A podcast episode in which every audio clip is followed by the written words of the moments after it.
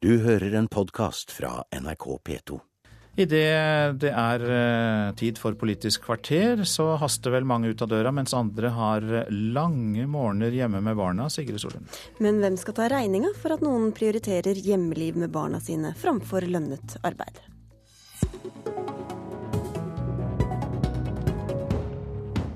I hvert fall ikke norske skattebetalere, skrev høyrepolitiker Heidi Nordby Lunde i et blogginnlegg til massiv protest, men også støtte fra bl.a.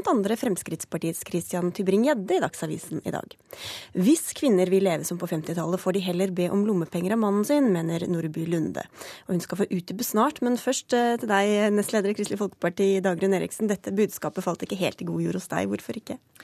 Nei, Det syns jeg har vært mest trist med de siste dagers debatt, det er det at eh, man stigmatiserer veldig kvinners eh, valg. Eh, fordi at enten så tror jeg folk sier igjen med et inntrykk at politikere mener at du er en veldig god samfunnsborger og en dårlig mor. hvis du velger noen av virkemidlene, eller motsatt. At du er en veldig god mor og en dårlig samfunnsborger.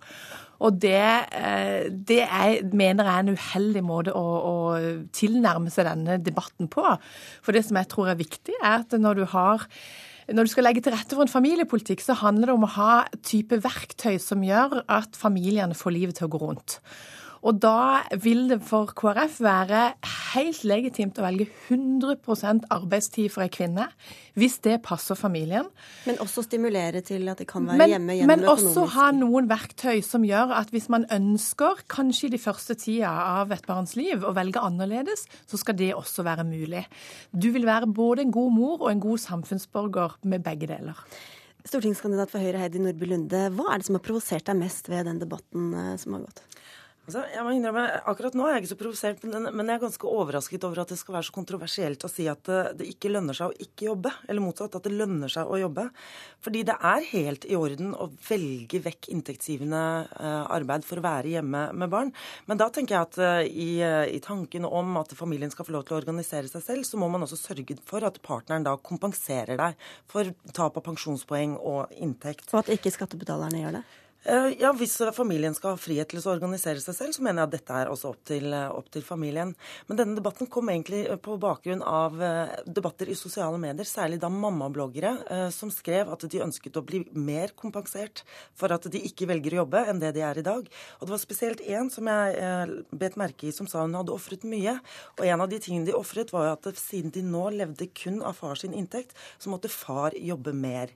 Og det betydde at hun ikke så mannen sin så mye, hvilket betyr at barna heller ikke ser far så mye.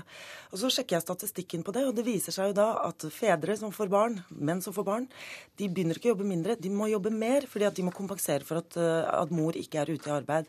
Og da går jo ikke barns tid sammen med mor og far opp, da går barns tid sammen bare mor opp. Og det syns jeg er dårlig gjort. Og har ikke far også rett på å være hjemme med barna sine? Og der vil jeg tippe at Dagrun Eriksen er helt enig i det, og derfor skal man legge til rette. Men da kan jo spørsmålet være barnefamiliene har jo fått veldig gode økonomiske økonomiske og, og, altså tilskudd de siste årene. Hvorfor skal de nå få enda mer, og dermed på bekostning av andre? Jeg er ikke så sikker på om altså, Jeg tror at om de har fått totalpakke, om man har fått mer. Eh, det som er viktig for, for, oss i KrF, det er å ha verktøy som tilfredsstiller forskjellige typer valg. Når du sier verktøy, verktøy, så betyr jo det at man skal økonomisk også. Det er f.eks. økonomiske. Og jeg syns jo det er veldig interessant at en, en gammel Høyre-nestor som Kåre Willoch han har eh, i etterkant, og han kan ikke beskyldes for bare fordi at han er blitt til beste forelder, men han tenker også ganske sterkt økonomisk. Vi som samfunn trenger at familier velger å få barn.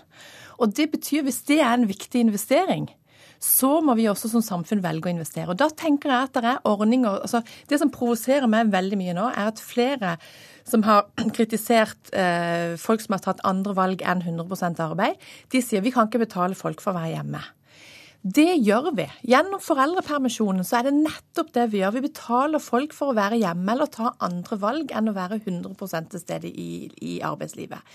Det samme gjør vi med engangsstøtten. Som Kåre Willoch har vært en av de som har tatt ordet for virkelig å heve til et høyt nivå fordi det lønner seg for et samfunn at mødre velger å få barn. Mm. Og da må vi ha gode ordninger som gjør at de får det livet til å gå i hop. Men det finnes jo andre måter å legge til rette for familien på eh, enn at staten skal gripe inn med virkemidler. Det kan, eh, men For så vidt virkemidler, det også, men det kan være organisering av arbeidsliv. Men det, akkurat nå så går denne debatten parallelt med at det kommer veldig tydelige og klare signaler fra mange hold. Fra sentralbanksjefen, NHO, finansminister Sigbjørn Johnsen til Brochmann-utvalget om at vi må jobbe mer.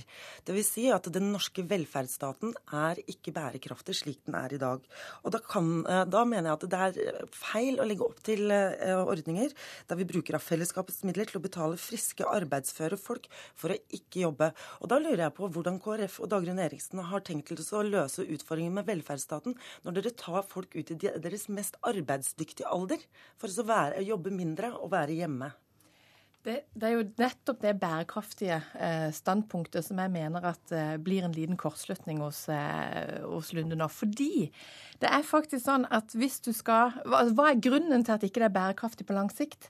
Det er fordi vi føder for få unger, og vi har for få i den kommende generasjonen til å bære byrdene for eldre i framtida. Derfor, så mener, derfor så mener KrF at det er viktig å ha gode investeringer, på samme måte som også Høyre mener, og ha gode investeringsordninger som gjør at folk velger å få barn. I Sør-Europa så ser vi virkelig konsekvensene nå av å ha ordninger som ikke eh, gjør at, at, eh, man velger å få barn. Og da velger man kanskje å få maks ett barn og man er kommet ut i et bærekraftig økonomisk uføre. Så det økonomiske argumentet mener jeg ikke holder på lang sikt, det holder bare på kort sikt. Men vi er alle for at man skal få barn. og Vi bruker mer tid og mer ressurser på barna våre nå enn vi har hatt anledning til å gjøre noen gang. Og det er en bra ting. Og der tror jeg vi alle er enige, og også på tvers av de partipolitiske grensene. Men ja, Apropos Nordby Lunde, hvem er det du egentlig snakker på vegne av eh, nå? Hva tenker du på da? Jeg tenker på At uh, At det er positivt å få barn? Da håper jeg at jeg snakker på vegne av oss alle. jeg tenker på at din egen partikollega Linda Hofstad Helleland kalte Inga Marte Thorkildsen, som du forsvarte, for kvinnens verste fiende. Jo, men jeg tror at det var en debatt som ble tatt, uh, tatt litt på, på, bakgrunn av misforståelser, og som spisset seg altfor mye. Jeg tror Linda uh, Hofstad Helleland og jeg er ganske enige om, om fryktelig mye. Og så er vi jo enige om at det er verdifullt å være hjemme med barn, og at det lønner seg å jobbe. Bare at vi ikke skal betale for det, vi andre. Ja. Eh, takk skal dere ha for at dere kom til Politisk kvarter, Heidi Nordby Lunde og Dagrun Eriksen.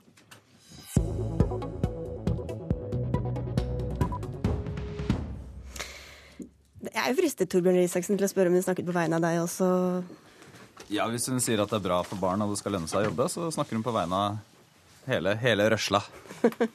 Vi har ikke tid til å gå så veldig nærmere inn i det, for du er her for å snakke om at Høyre vil ha lengre og flere forsøksordninger med turnuser som bryter med arbeidsmiljøloven, såkalte ønsketurnuser. Og for å få til det vil partiet bl.a. gi arbeidstakere lokalt mer makt og fagforeningene sentralt mindre. Og hvorfor vil dere det? Ja, først og fremst fordi at uh, brukeren skal stå i sentrum. Uh, og vi ser at veldig mange steder hvor man har innført sånne alternative turnuser, f.eks. i barnevernet, så gjør det at uh, det kan være én person som ja, et barn kan forholde seg til, som er på jobb lengre tid. I institusjoner hvor man har folk som har stort pleiebehov, så kan de våkne og legge seg med den samme personen.